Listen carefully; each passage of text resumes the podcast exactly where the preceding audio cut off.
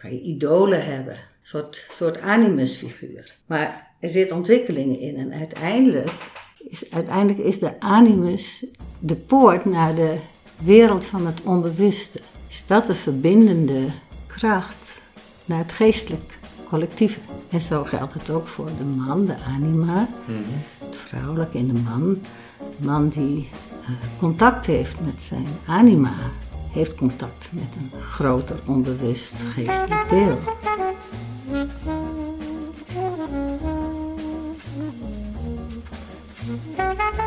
Luistert naar de Therapeut Podcast, een wekelijkse podcast waarin ik, Peter Voortman, openhartige gesprekken voer met therapeuten over hun professie, patiënten en zichzelf. Luister mee naar bijzondere, schrijnende en grappige verhalen uit de behandelkamer.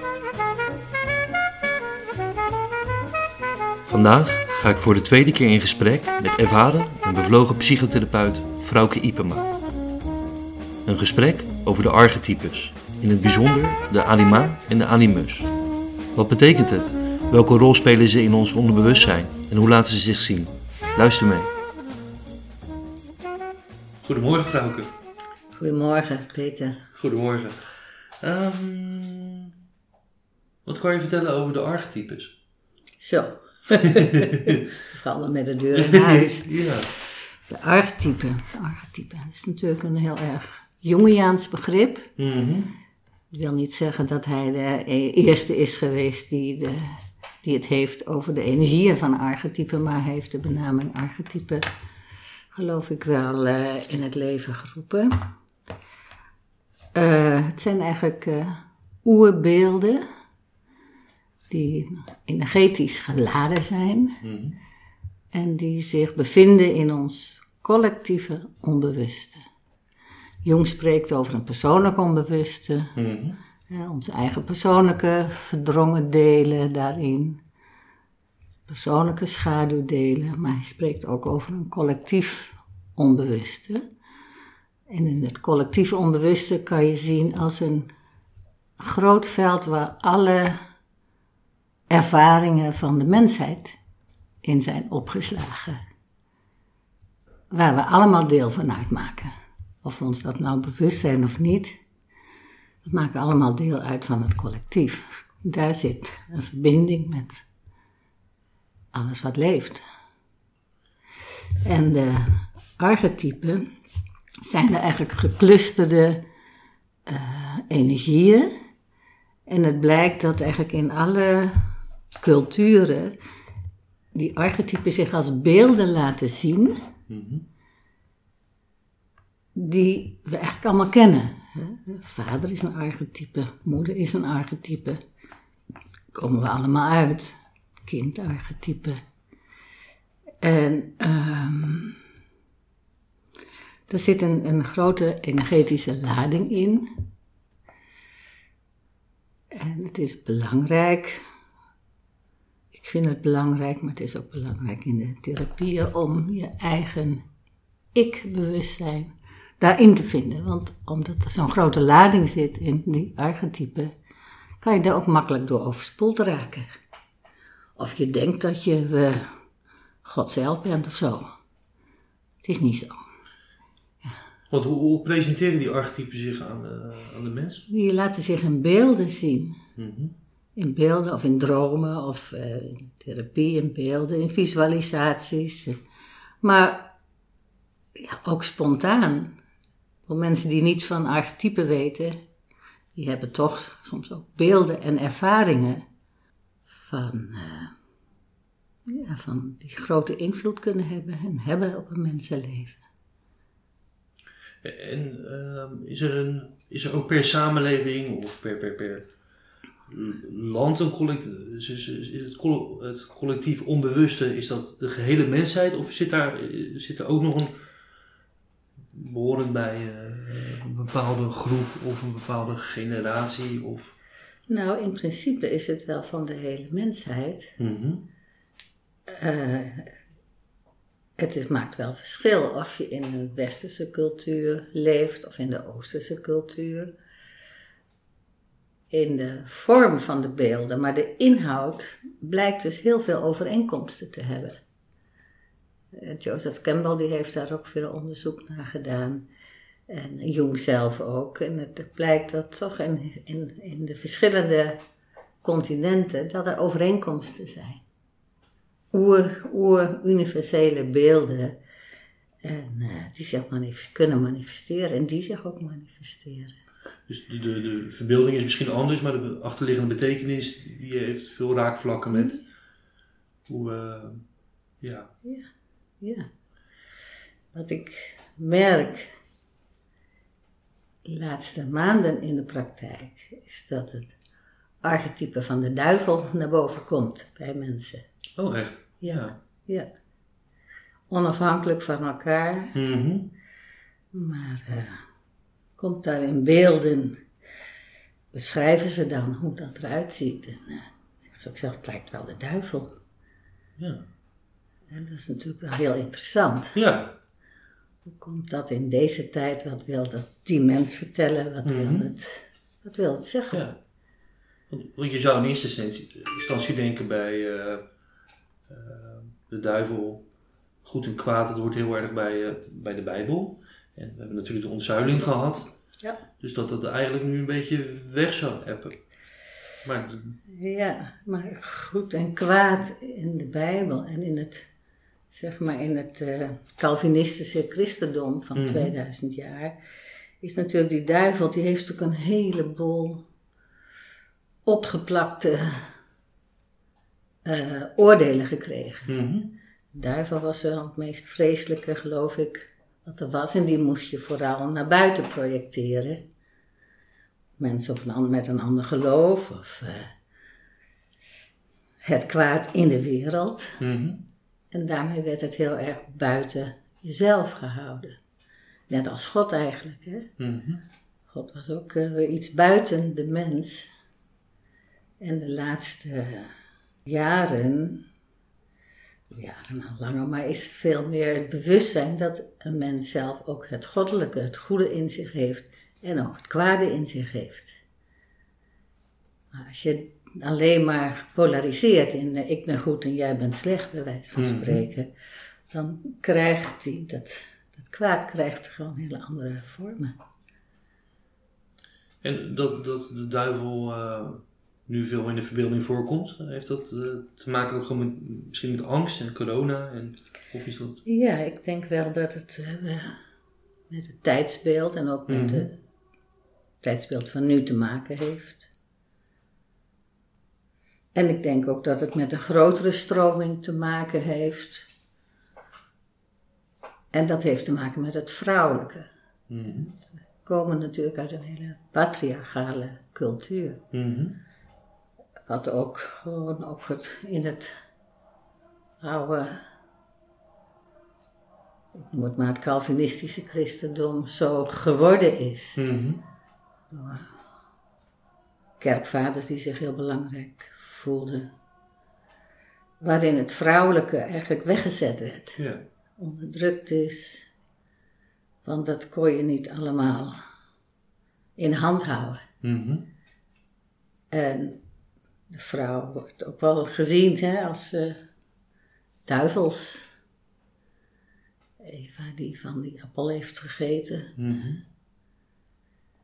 Dus ik denk dat daar een link zit naar de, de mensen die ik voor ogen heb hier in de praktijk. Dat zijn ook mensen die uit een zwaar kerkelijke achtergrond komen. Ah. Maar die zichzelf heel erg hebben ontwikkeld. Ja. losgemaakt hebben van de gezinscultuur thuis, waarin eh, twee geloven op een kussen al niet eens kon. Mhm.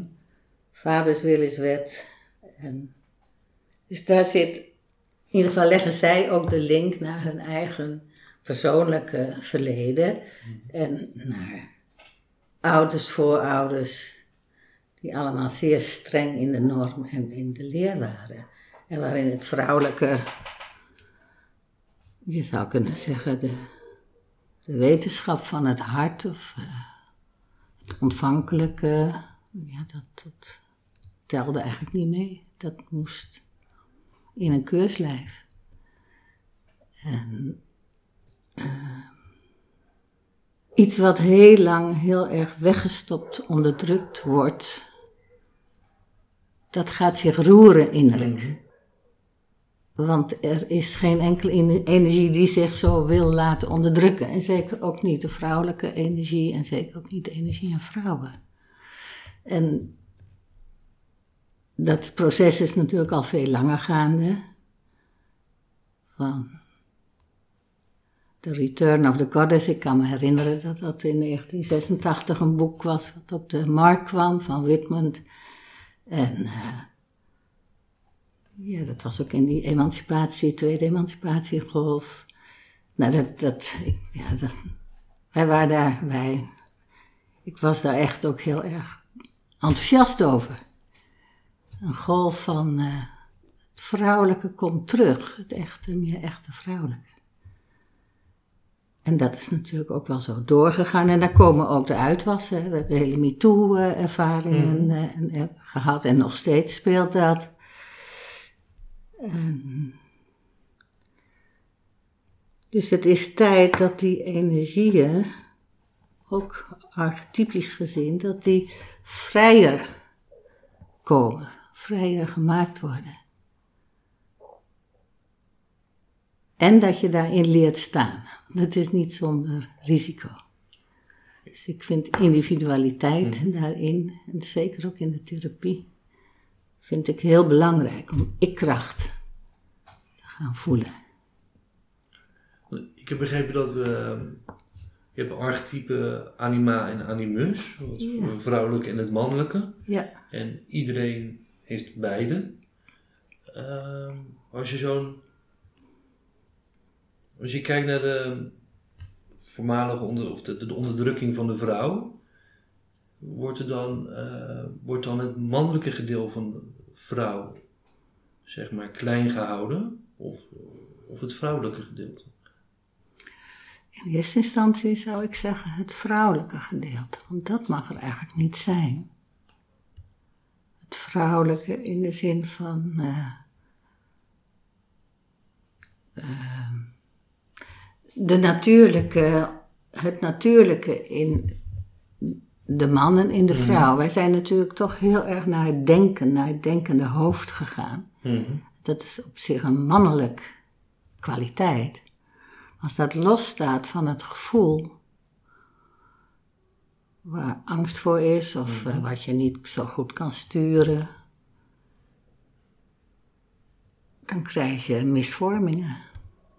Dus als je dan zegt naar de vrouw, is de onderdrukking in eerste instantie wordt het vrouwelijke het gevoel, de seksualiteit, dat is ook mhm. een heel belangrijk gegeven, vrouwelijke seksualiteit.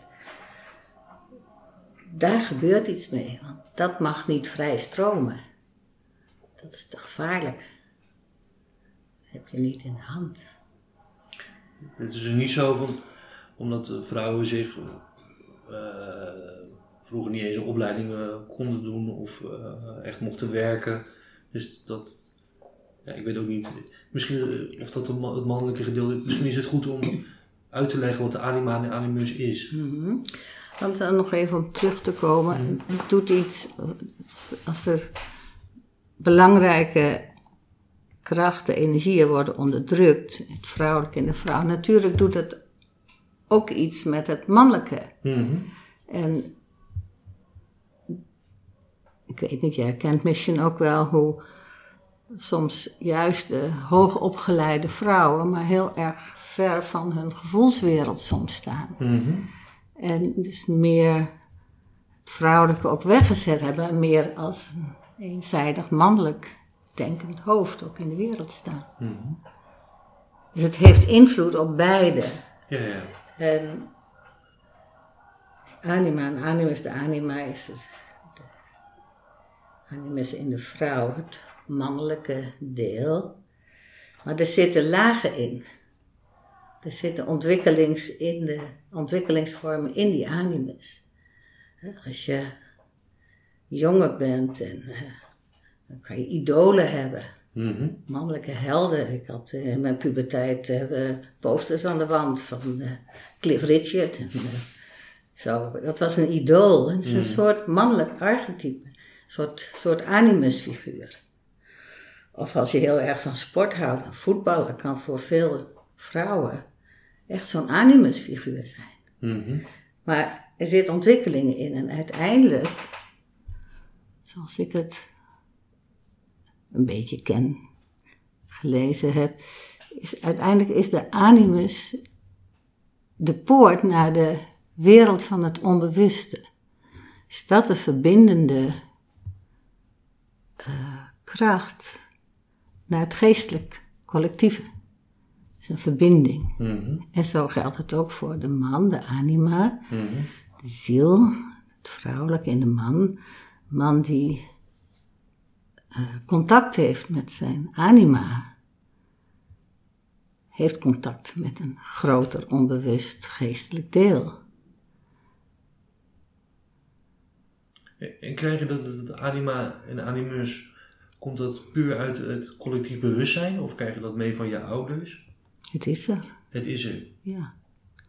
Maar kan je invloed hebben in de, in de ontwikkeling daarvan? Ja, je kan je invloed hebben, zeker ook, ook in opvoeding en in ontwikkeling, door je eigen kwaliteiten te gaan leren, herkennen je talenten. Mhm.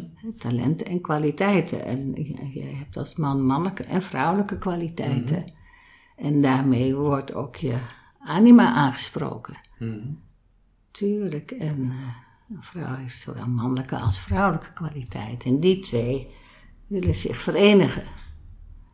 In een, gisteren toevallig een mooi ritueel gedaan over het innerlijk heilig huwelijk. Mhm. En het gaat eigenlijk over het huwelijk van het. Was een vrouw van het, het goddelijk vrouwelijke. Mhm. Met de animus. De innerlijke geliefde wordt hij ook wel genoemd. Want is, is het een streven of is het ben je, ben je, eh, meer in evenwicht of ge- gezonder? Of eh, als dat in evenwicht is, is, is dat een streven? Ja. Misschien begint het als een streven. Tenminste, als ik bij mezelf kijk, dan ik dacht vroeger dat het fantastisch was om meer bewustzijn te krijgen. Dat het heel fijn was allemaal, dacht ik. En ik weet ook nog wel dat mijn, toen onze kinderen naar de vrije school gingen en ik voor het eerst een boek ging lezen van Steiner. Dat was het eerste boek wat ik kocht. Hoe krijg ik bewustzijn op een hoger niveau? En ik las het en ik las het. En ik denk van ja, dat is het, dat is het. Maar ik snapte er niks van. Dus het streven, ja, is misschien wel, zo begint het misschien wel. Mhm. Het is iets wat aan de deur klopt, denk ik. En waar een verlangen in zit om jezelf te leren kennen, zou ik zeggen. En is er een bepaalde levensfase of een bepaalde periode waarin zich dat ontwikkelt? En is het dan op een gegeven moment af? Of is het iets wat continu... Volgens bij- mij is het nooit af. Je kan het altijd bijsturen en... Het gaat gewoon door, omdat Ja. het toch een innerlijk proces is Mhm. van bewustwording. En als je. Ja. op dat pad van bewustwording bent gestapt en daarin jezelf ontwikkelt en ziet wat het ook in de praktijk met mensen doet om je bewustzijn te krijgen van hun eigen handelen, inzichten. En als ik, jij vroeg ook daarnet, is het, eh, word je er een blijer of gezonder mens van? Ik weet niet precies meer hoe je het zei. Maar het geeft energie. Dat, dat merk ik zelf, maar dat merk ik ook in de praktijk. Als mensen vastzitten Mhm. of in een burn-out raken. En we staan stil bij wat er innerlijk gaande is, wat daar speelt.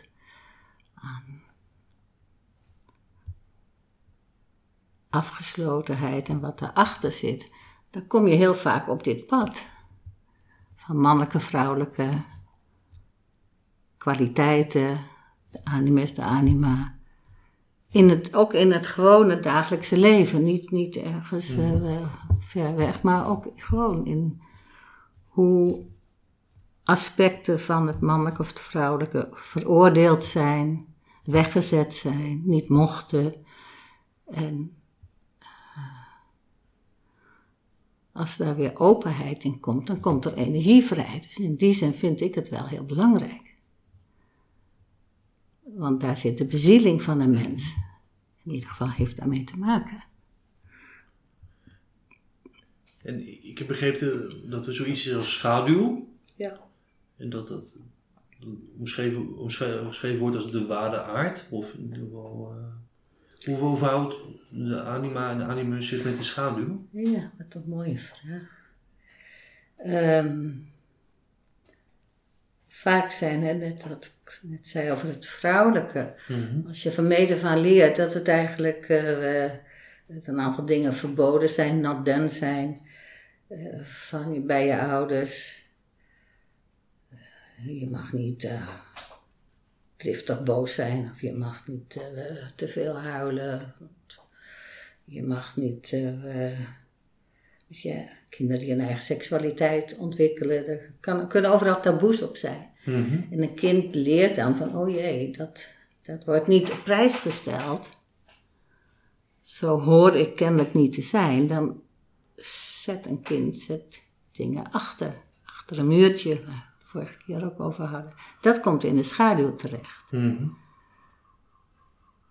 En dan weet je eigenlijk niet eens meer dat het zo was. Alleen je krijgt er vroeg of laat, krijg je er last van. Want er wil niks weggestopt worden. Dat klopt altijd weer van binnen aan de deur. Hoor wie klopt daar, kinderen? Dat klopt. En dat is. Uh,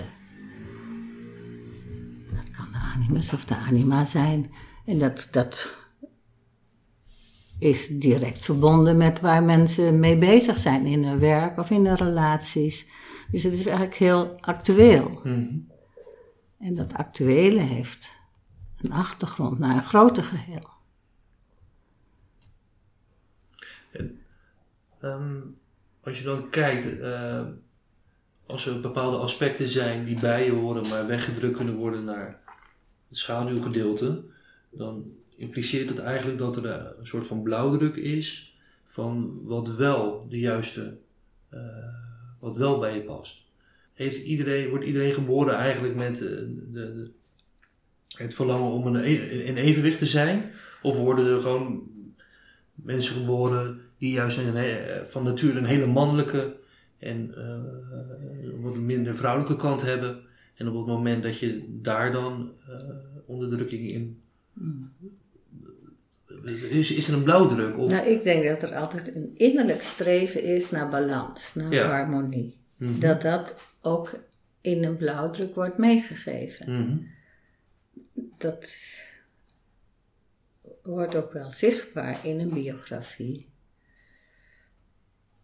Dat als de balans te veel naar de ene kant gaat, er altijd vanuit de andere kant, van binnenuit, Mhm. eh,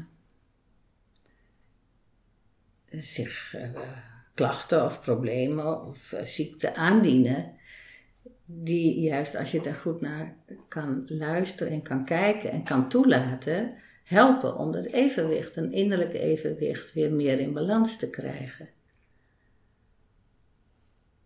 Dus ik zou zeggen, Mhm. ja, die, er is altijd een streven naar een innerlijke harmonie, een Mhm. innerlijke balans. En uh, daar moet je ook heel vaak niet al te veel tegen doen. Maar, maar er is, is het dan niet zo dat de, de ziel uh, bij voorbaat een wens heeft om een bepaalde verhouding te hebben? En ook al is dat in disbalans. Ja, dan is er wel een, de wens om naar een, een balans terug te keren. Dus, Dat, dat, dat zie ik wel, ja, Mhm. zeker. En het blijft ook eigenlijk altijd in beweging. Het is nooit Mhm. zo van, ja, dat is maar zelden dat je het gevoel hebt in je leven, volgens mij, van nou, nou ben ik wel helemaal in balans. Ja. Op het moment dat je het uitspreekt, dan eh, Mhm. is de balans natuurlijk alweer, want die, die, die weegschaal is altijd Ja. in, in beweging. Nou, wat ik probeer te achterhalen is dat uh, is, is de schaduw. Uh, is, verhoudt dat zich met de ziel? Is dat eigenlijk de, de, de blauwdruk van de ziel en waar, als dat niet volledig tot wasdom komt, dat het daar wordt weggestopt? Ja, weet je, ik ben daar ook altijd een beetje voorzichtig in om te Mhm. zeggen, ja, zo is het. Mhm. Ik zie alleen wel dat er, het verdringen van de eigen schaduwdelen, Mhm. dat dat ook invloed heeft en contact is daar met het, een collectieve schaduw die er ook is. Oké. Dus, En die is er überhaupt. Want als Mhm. ik zeg het collectief, daar zit alle menselijke ervaring in. Er zitten ook alle weggestopte menselijke schaduwdelen, Mhm. grote schaduwdelen in. Die grote invloed hebben in bepaalde tijdsperiodes. En er is zeker een natuurlijk streven naar harmonie, alleen hebben wij dat niet altijd in de gaten. Mhm. Als je heel erg gericht bent op het juist alle vraagstukken, problemen weg te willen hebben, door Mhm. middel van alles te gaan bestrijden, dan is dat is ook een verstoring van een balans. Een verstoring van een natuurlijk Mhm. proces, zo moet ik het eigenlijk zeggen. Er is toch altijd een natuurlijk proces van heling waar de schaduw eh, een onderdeel van is. En juist als die schaduwkanten gezien kunnen worden, word je als mens completer. Word je, dat is, hè, dan kom je ook op het gebied van, is het nou worden of is het nou zijn? En zeg, het is allebei. Snap je? Of ben ik... eh, Ja, nee, dat begrijp ik. Ehm, maar wat ik probeer af te vragen is, is ehm, het, het is niet haalbaar of, of, of iets, maar is het dan, zouden eigenlijk alle mensen volledig in balans moeten zijn? Dus hebben we eigenlijk allemaal hetzelfde streven eh, om daar, of hebben sommige zielen of eh, mensen die geboren worden, behoort daar ju- juist een, een, andere verhouding in. Ehm, ja, want je zou bijvoorbeeld kunnen zeggen, stel je wordt, eh, je bent een jongetje en je bent heel erg vrouwelijk. Dan zou je kunnen zeggen van nou, die is in disbalans, die heeft te veel vrouwelijkheid. Je zou ook kunnen zeggen, eh, dat, dat, dat is gewoon zo. Dat, dat die Ja. verhouding in die vorm, dat past. ja. Ehm Ja. Ja. Ja. Ja, dat is een mooi, een mooi en ook een eenvoudig voorbeeld. Ja. Ik zou dan zeggen, laat dat jongetje zich ontwikkelen. En Mhm.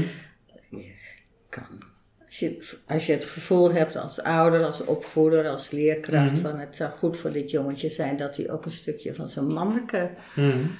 kant dat leert te ontwikkelen of die krachten eh, gaat ervaren, dan is het prima om eens te kijken van nou, hoe zouden we dat kunnen doen? Ja. Niet om hem te veranderen, Mhm. want het jongetje mag zijn wie die is, wat Mhm. mij betreft in ieder geval.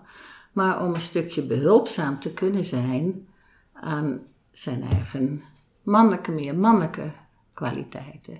En laat de natuur, of laat dat wat er van binnen is, zich mogen ontwikkelen in Mhm. zoals het zich wil ontwikkelen. Stuur het een beetje bij, maar daarvoor heb je bewustzijn nodig. En niet eh, vanuit oordelen dat het eh, niet goed is. Ja, ja dat, eh, dus het, het streven zou van binnenuit moeten zijn om die, die balans te krijgen en niet, je zou je daar van buitenaf, je zou je als ouders niet druk moeten maken en denken van nou, die, dit, dit, we zien een disbalans, dus die moeten wij zien te herstellen. Want anders zou je kunnen zeggen van ja, dat, dat, dat vrouwelijke gedrag, dat moeten we eh, een beetje afleren, want we zien, dit, dit is een over, ja. Het is vaak je eigen oordeel wat Ja. je dan opplakt. Hè? Mhm. Als een, een, een jongetje daar last van heeft en of hij wordt gepest, of, eh, eh, ja, dan gaat je dat aan je hart. En dan wil Mhm. je dat natuurlijk ook wel graag dat hij, dat, dat, dat hij niet gepest wordt. En voor mij is het belangrijk dat je je eigen oordeel daarin leert kennen. Van Mhm. waartoe, wat is helpend voor dit kind om zich vrijer te voelen in wie die, in wie die is. Mhm. En dat mag je natuurlijk best hier en daar stukjes bijsturen. En Mhm. eh, nou, dat vind ik dat toch wat op school, zeker op de vrije school, ook heel mooi wordt gedaan. Heel liefdevol en eh, met behulp van eh, schilderen of met eurythmie of eh, juist eh, meer met het sporten, met je lichaam wordt bijgestuurd. Zoiets Mhm. zou ik zeggen. Maar in de kern mag dat kind worden wie die is. Ja. Daar wil ik niet aankomen. Nee, nee. nee. En als je kijkt naar de, naar de liefde of de, de, de, de partner die je uitkiest of waar je eh, tot aangetrokken wordt, eh, heeft dat te maken met de verhouding anima-animus in je? Ja, dat denk ik wel. Zeker, dat denk ik zeker wel. En, eh, kijk, onbewust, je wordt onbewust verliefd, Mhm. meestal. Onbewust trek je een partner aan die iets heeft in zijn of haar energie wat jou aantrekt. En dat zegt minstens zoveel over jou dan over de partner. Mhm. En daar zit eigenlijk altijd ook iets in van de energie van de ouders van jezelf. Nou, dat moet je natuurlijk nooit zeggen. maar als je daar later, of in je therapie bij stilstaat, dan is dat eigenlijk altijd wel helder. Dat Mhm. Man iets aantrekt wat lijkt op vader of op moeder. Of op hemzelf en omgekeerd. Dus ja, dat proces van binnen, dat is daar alleszins, speelt dat. En ja, dat zijn- eigenlijk geheimen. Geheimen, dat is onbewust. Want ja, je wordt verliefd en je denkt, nou, dit is het Ja. einde. En eh, wij Ja. zullen voor eeuwig en altijd eh, bij elkaar zijn. En dat is natuurlijk maar voor een deel, is dat zo. Ja. Daar hebben anima en animus, het is het mannelijke en het vrouwelijke in jezelf. Mhm. Op een veel dieper niveau dan waar je met je hoofd bij kan of waar je in je verliefdheid bij kan. Ja, dat speelt zeker. Dat is heel interessant ook. En gaan eh, falen relaties dan ook omdat, eh, je, omdat je eigen anima, animusverhouding verandert, waardoor er eigenlijk ook een disbalans met de ander ontstaat? Ja, dat gebeurt wel. Zeker, je kan ook zeggen, je kiest iemand waarbij je jezelf, waardoor je juist bij uitstek jezelf beter leert kennen. Mhm. En dat spiegelt de ander wellicht. En dat projecteert zo'n eigen deel wat je niet kent, wordt dan eh, geprojecteerd op je partner. Als je daar, als dat zich, eh, de balans in jezelf zich herstelt, dan wordt het misschien wel eigenlijk pas echt eh, interessant. Maar goed, dat is natuurlijk ook nog alles een reden dat relaties ook weer uitgaan. Want het oorspronkelijke onbewuste doel van meer zelfinzicht, dat is dan klaar. En als er verder niet iets anders komt, als je, dan, ja, dan kan het zijn dat er eh, een nieuwe verhouding wil komen.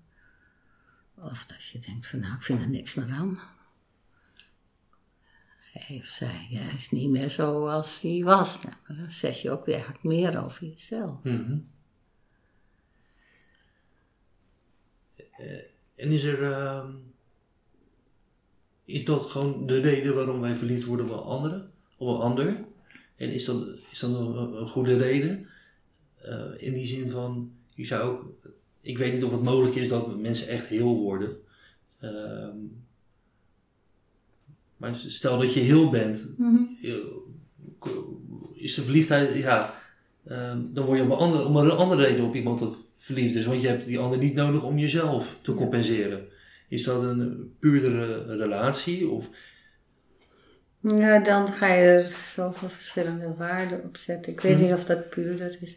Ik, ik zie wel dat juist relaties, liefdesrelaties, intieme relaties, eh, heel belangrijk zijn om jezelf te leren kennen. Maar dat vraagt ook weer hetzelfde bewustzijn. Als je de, want anders gebeurt het misschien ook wel, maar dan ben je er niet bij. En als je niet meer, jij zei net iets, als je niet meer, als de ander niet meer jouw gaten hoeft te vullen, Mhm. innerlijke gaten of tekortkomingen, of, dan omdat je daar, daar zelf meer zicht op krijgt, juist door de relatie. Ik denk nu, dan wordt het eigenlijk pas echt interessant. Ja. En of dat, dat is, eh, dan is er in ieder geval een ik die genoeg heeft aan zichzelf. Dat is niet meer een emotionele afhankelijkheid van de ander. Maar daarom is het nog wel heel fijn om met een ander ook te zijn. Met een vrouw of met een man, maar met iemand eh, die speciaal voor jou iets betekent. Mhm. Hij of zij hoeft dan niet meer jou compleet te maken, want dat kan hij of zij ook zo niet. Mhm. Of te redden. Ja. Je bent compleet in jezelf en dat vind ik het mooie van een innerlijk, een innerlijk huwelijk, een innerlijk heilig huwelijk. Dan hoeft. Ik ken natuurlijk ook wel het fenomeen van oh, die prins op het witte paard en die je voor eeuwig en altijd gelukkig maakt. En, eh, dat is een heel oeroud gegeven en ook een heel oeroud verlangen waar daar is niks mis mee. Alleen die prins op het witte paard is niet buiten, maar die zit binnen. En voor een man, die prachtige, schone prinses, die, die ziet een vrouw op wie hij verliefd is. wordt. Die prinses is niet buiten, maar die is binnen. En dan heb je het ook weer over de anima en de man Mhm. die twee mannelijke en vrouwelijke innerlijk bij elkaar zijn.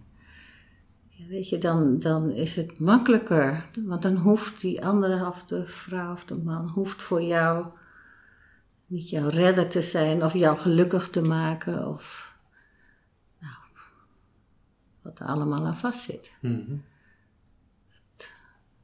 sprookje van ze leefde nog lang en gelukkig is ook dan te zien als een innerlijke vereniging.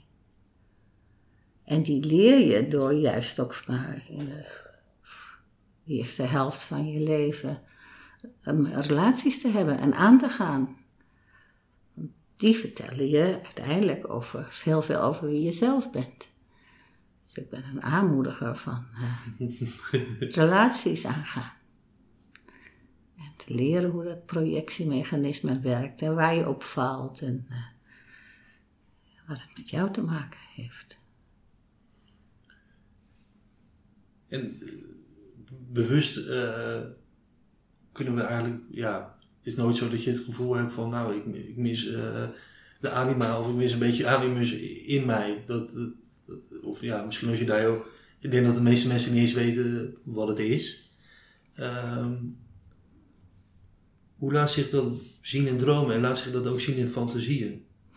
Ja, dat laat zich zien. In dromen is het wel, is het uh, vaak zo mm-hmm. dat een uh, animus, als een vrouw bezig is met haar mannelijke ontwikkeling, bewust mm-hmm. of onbewust, dan komen er nog wel eens in dromen uh, mannen voor en vaak in groepjes. Dat is heel grappig, dat is een verschil. Mm-hmm. Als mannen dromen bezig zijn met een anima, is vaak één vrouw in uh, hun dromen. Mm-hmm. En voor vrouwen is het vaak een groep mannen die iets willen vertellen of iets willen doen of iets meemaken.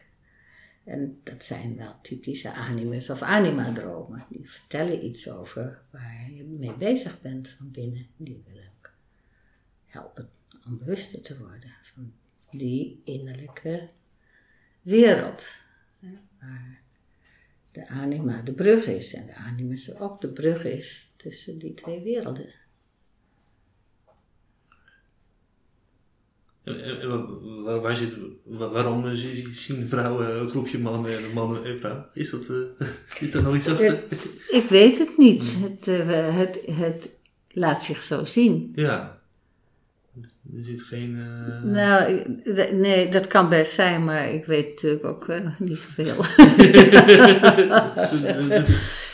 dat zou ik, dus ik denk wel dat er wel iets over, eh, over geschreven is, maar Mhm. ik- dat weet ik niet. Ik weet alleen dat het zo is en ik weet ook dat het in de praktijk dat het vaak, zich, dat het vaak zo is. En dat een man nog als prachtige anima-dromen heeft. Mhm. Een hele mooie vrouw. Mhm. En, eh, En zijn er bij de vrouwen dan een groepje mooie mannen? Of, nou weet je, dat is ook afhankelijk van het niveau van bewustzijn van de Mhm. vrouw. Dat kunnen sporthelden zijn, dat Ja. kunnen eh, een groep eh, geestelijke eh, mannen zijn die met elkaar spreken. En dat is afhankelijk van, het, van de ontwikkeling, de innerlijke ontwikkeling van de vrouw zelf. En soms laat hij ook zien dat ze eraan toe is om eens een stap te maken. En de tijd van de sportenhelden een beetje klaar is. Zo, ja. ja. En als je kijkt naar seksuele fantasieën, heeft, ehm, werkt dat daarin door? ja, dat werkt zeker in de seksualiteit en in fantasieën en in Mhm. dromen. Werkt dat door. Zo kan je hele schone dromen hebben, mooie dromen, maar Mhm. er kan ook geweld in de Ja. dromen spelen waarvan een man zegt, ja, dat zou ik in de buitenwereld nooit zo doen, maar Mhm. ik heb het wel gedroomd.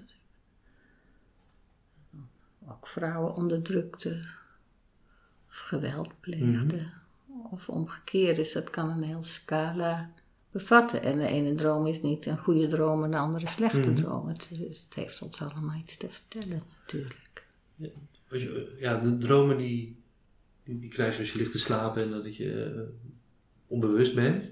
Bij, bij fantasieën is er nog in ieder geval meer een deel eh, bewust. Ja, ja, Ehm, ja. Eh, fantasieën kunnen natuurlijk juist eh, omdat er veel oordeel ook zit, met name op seksualiteit. Of en veel oordeel en veel weggestopte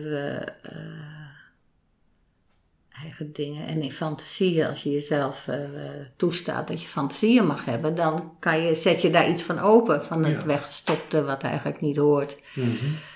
Althans, van de buitenwereld niet hoort. En dat kan je, natuurlijk kan je dat ook opwinden of eh, helpen om meer te ontdekken van jezelf. Ja. Ook dat weer. Dus, dus- want, communiceert de schaduw vanuit eh, naar, naar, naar, naar fantasieën? ja, die komt wel eh, achter de deur vandaan. Ja.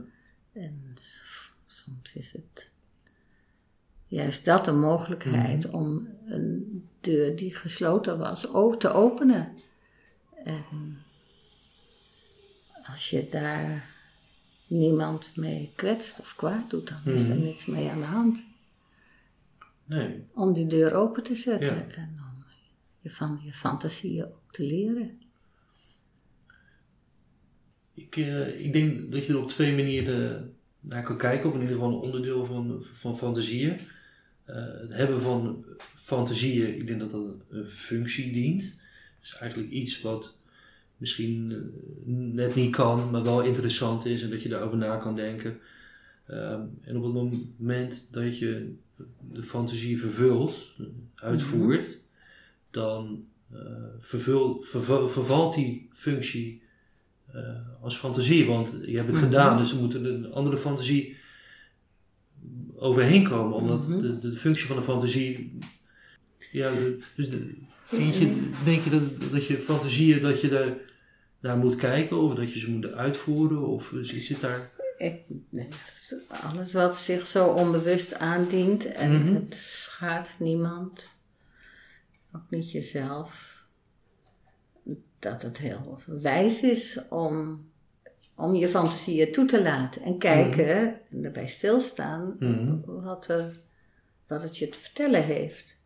En als je het alleen maar doet om, eh, of alleen maar op uit bent om een volgende fantasie en een volgende fantasie, omdat het een, een energie is die je bevalt, dan kan het ook zijn dat je daarin een stukje mist. Mhm.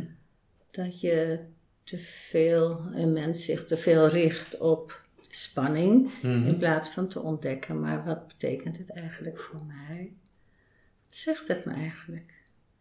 Ik zou daar wat terughouden, zelf wat Ja. terughoudender geloof ik in zijn. Maar willen ontdekken van wat wil het mij vertellen. Ja. Maar dat is ook afhankelijk van het temperament van eh, de Mhm. man of de vrouw, van de leeftijd. Dus- dus- Maar bewustwording heeft wel, dat is wel wat ik, wat ik leer, dat heeft ook tijd nodig om in te zakken. Mhm. Het kan zijn dat als je te veel je fantasieën najaagt, wordt het dan, Mhm. Dat dat ook ten koste kan gaan van een stukje bewustzijn en bewustwording allebei. Voor je eigen innerlijke heling, Ja. heelwording. Ja. Wat zijn eigenlijk goede oefeningen of eh, eh, hoe versterk je je anima of je animus? Door te luisteren naar binnen, door Mhm. je gevoelsfuncties te ontwikkelen. En, eh, hè, door, door erop bedacht te zijn, wat raak je? Waar, wat is er wat er gebeurt in, gewoon in de hele gewone dagelijkse werkelijkheid?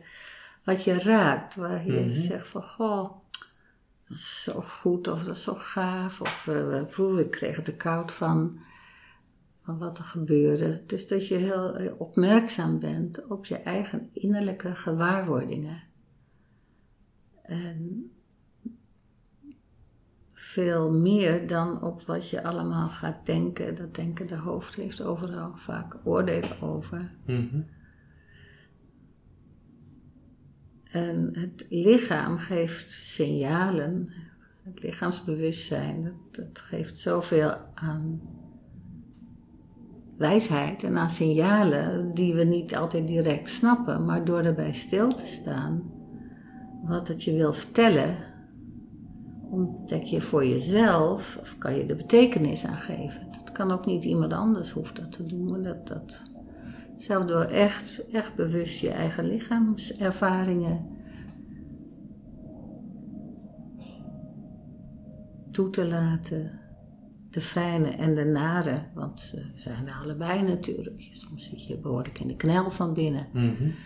Dan stroomt het niet. En uh, wij zeggen, nou, ik moet naar, uh, ik weet niet naar wie, maar daar moet wat aan gedaan worden. Maar door zelf bewustzijn toe te laten wat er is, gebeurt er al iets. Dat vind ik altijd heel echt mooi van ons lijf, onze innerlijke wereld.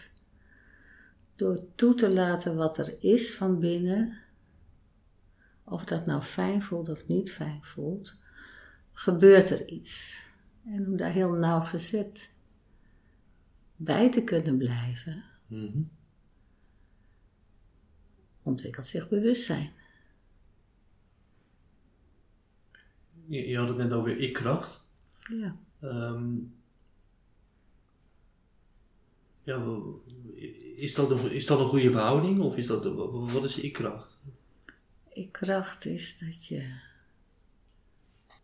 voelt dat er tussen verschillende delen, Mhm. je kent het aan de ene kant kan je je slachtoffer voelen van iets wat je overkomt en aan de andere kant kan je je ter strijde trekken. Maar er zit iemand tussen. In die twee delen. Iemand, die, ja, die noemen we ik. Mhm. Ik is. Laat je voelen dat je, dat je er bent. Dat je er zelf bent. Anders dan ieder ander. En dat je ook een keuze hebt. Niet zozeer in dingen die je overkomen, misschien ook wel, maar, maar wel hoe je ermee omgaat. En hoe meer ik bewustzijn, ik besef er is, des te meer je ook voelt van die tegendelen, van je reactiepatronen, van je overtuigingen van het hoofd. Maar je hoeft er niet in, in mee te gaan. Het is een keuze om te doen wat jij voelt, wat nodig is te doen. Dus die autonomie, die heeft te maken met je ik-kracht. Zijn er dingen die je zelf graag wilt delen? Nou, ik weet niet, ik ben. Of ik graag dingen wil delen over mezelf of van mezelf.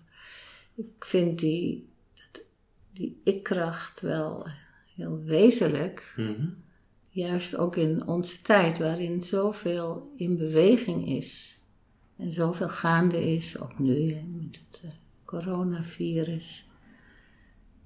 Heb ik eh, sterk het gevoel dat het heel belangrijk is om je eigen individualiteit te ontwikkelen, beter te leren kennen. Want anders word je ook meegenomen in een stroom van angst en eh, vooral angst. En wat ik zelf heel mooi vind in mijn eigen proces daarin, ik ging me in het begin van de coronatijd, voelde ik angst. En ik heb al vaker in mijn leven angst gevoeld. Dus ik dacht van, goh, wat is dat nou? Dus ik ben er echt een poosje bij stil blijven staan, die angst van binnen.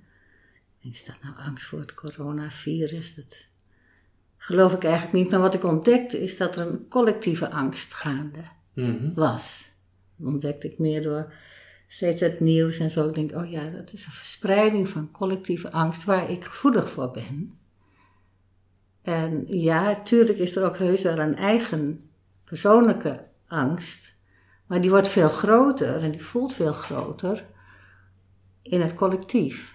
Toen ik dat één keer in de gaten had, toen dacht ik, oh, dus het is ongelooflijk belangrijk om ik te voelen. En dan is er wel verbinding met het collectief, maar er staat, er staat iemand. Toen ging ik, er, eh, ik was toevallig ook bezig met ehm, te leren wat is nou, ik was gevraagd om elder te zijn, ergens in een eh, wijze oude vrouw te mogen zijn. In, in een groep. Toen dacht ik, ja maar god, wijsheid, weet jij nou wat wijsheid is? En eh, wat houdt het dan eigenlijk in? Dus ik was daar op aan, aan het zoeken. Denk, wat vind ik nou wijsheid? Wie vind ik nou wijs? Kwam ik bij eh, Pincola Estes. Is een analytica, oudere vrouw, die prachtige ver- verhalen en boeken heeft geschreven. En ik ging een luister-cd van haar horen.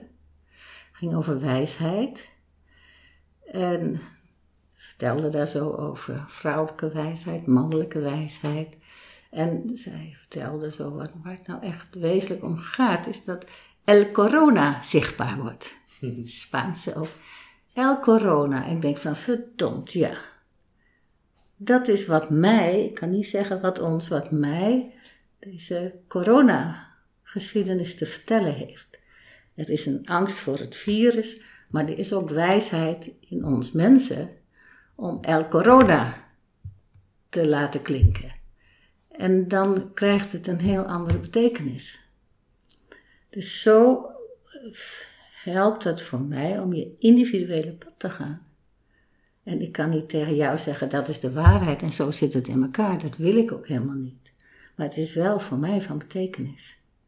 En zo is misschien wel meer universeel dat het belangrijk is dat wij als mens onze eigen individu- individualiteit en de individuele betekenis Mhm. te leren, dat we die leren kennen. De eigen waarheid, niet de waarheid, want die bestaat niet volgens mij, maar wel een eigen innerlijke waarheid. Nou, daar kunnen we nog heel lang over doen. ja. Ja, mooi. U luisterde naar de Therapeut podcast. Abonneer u via uw favoriete podcast app en krijgt elke week automatisch een nieuwe aflevering. We horen graag uw mening. Vragen, opmerkingen of suggesties kunt u sturen naar info.detherapeutpodcast.nl of laat een review achter via uw podcast.